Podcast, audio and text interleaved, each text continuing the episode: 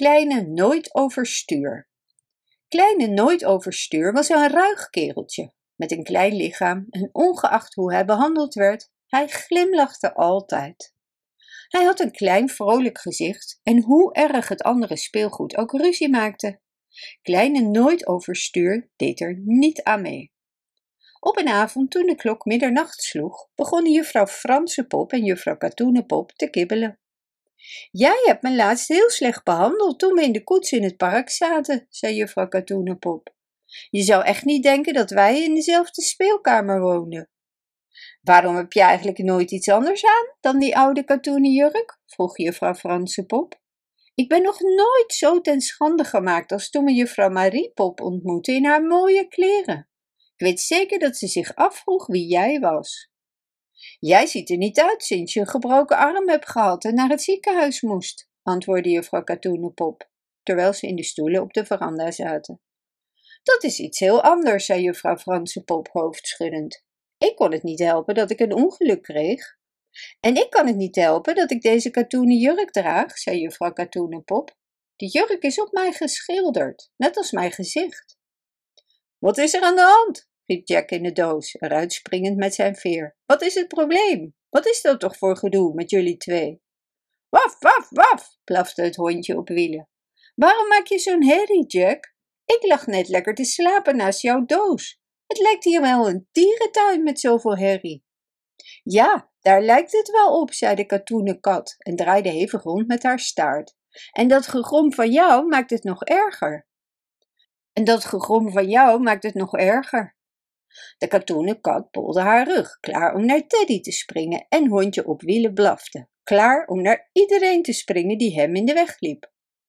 Jack in de doos trilde van woede omdat de Franse pop hem bespotte omdat hij geen benen had en zei dat hij maar beter zijn mond kon houden. Terwijl juffrouw Katoenenpop nog iets hatelijks probeerde te bedenken om tegen juffrouw Franse pop te zeggen.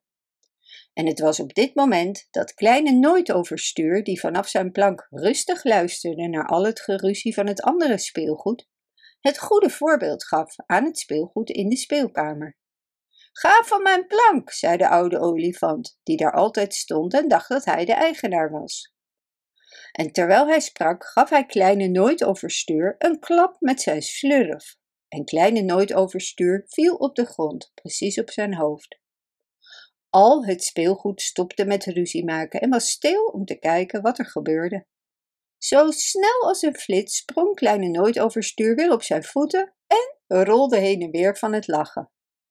Nou, jij bent echt het aardigste kereltje dat ik ooit heb gezien, zei Teddy. Wil je de olifant niet betaald zetten dat hij je op de grond heeft gegooid? Niet in het minst, antwoordde de kleine nooit overstuur. Het leven is te kort om ruzie te maken. Denk aan al het plezier dat je verliest in de tijd waarin je ruzie maakt. Je hebt eigenlijk wel gelijk, zei Teddy. En waar ging eigenlijk al die ophef over? En niemand kon precies zeggen waar het mee begonnen was. En binnen een paar minuten lachte iedereen weer en had het naar zijn zin. En dat allemaal omdat Kleine nooit overstuur glimlachend was opgedoken. De oude olifant nam echter de tijd om over de plank te leunen en Kleine nooit overstuur te roepen.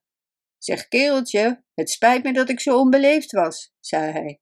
Kom maar weer naar boven hoor en blijf zo lang als je wilt.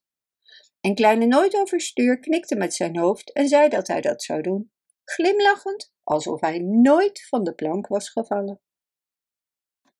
Bedankt voor het luisteren.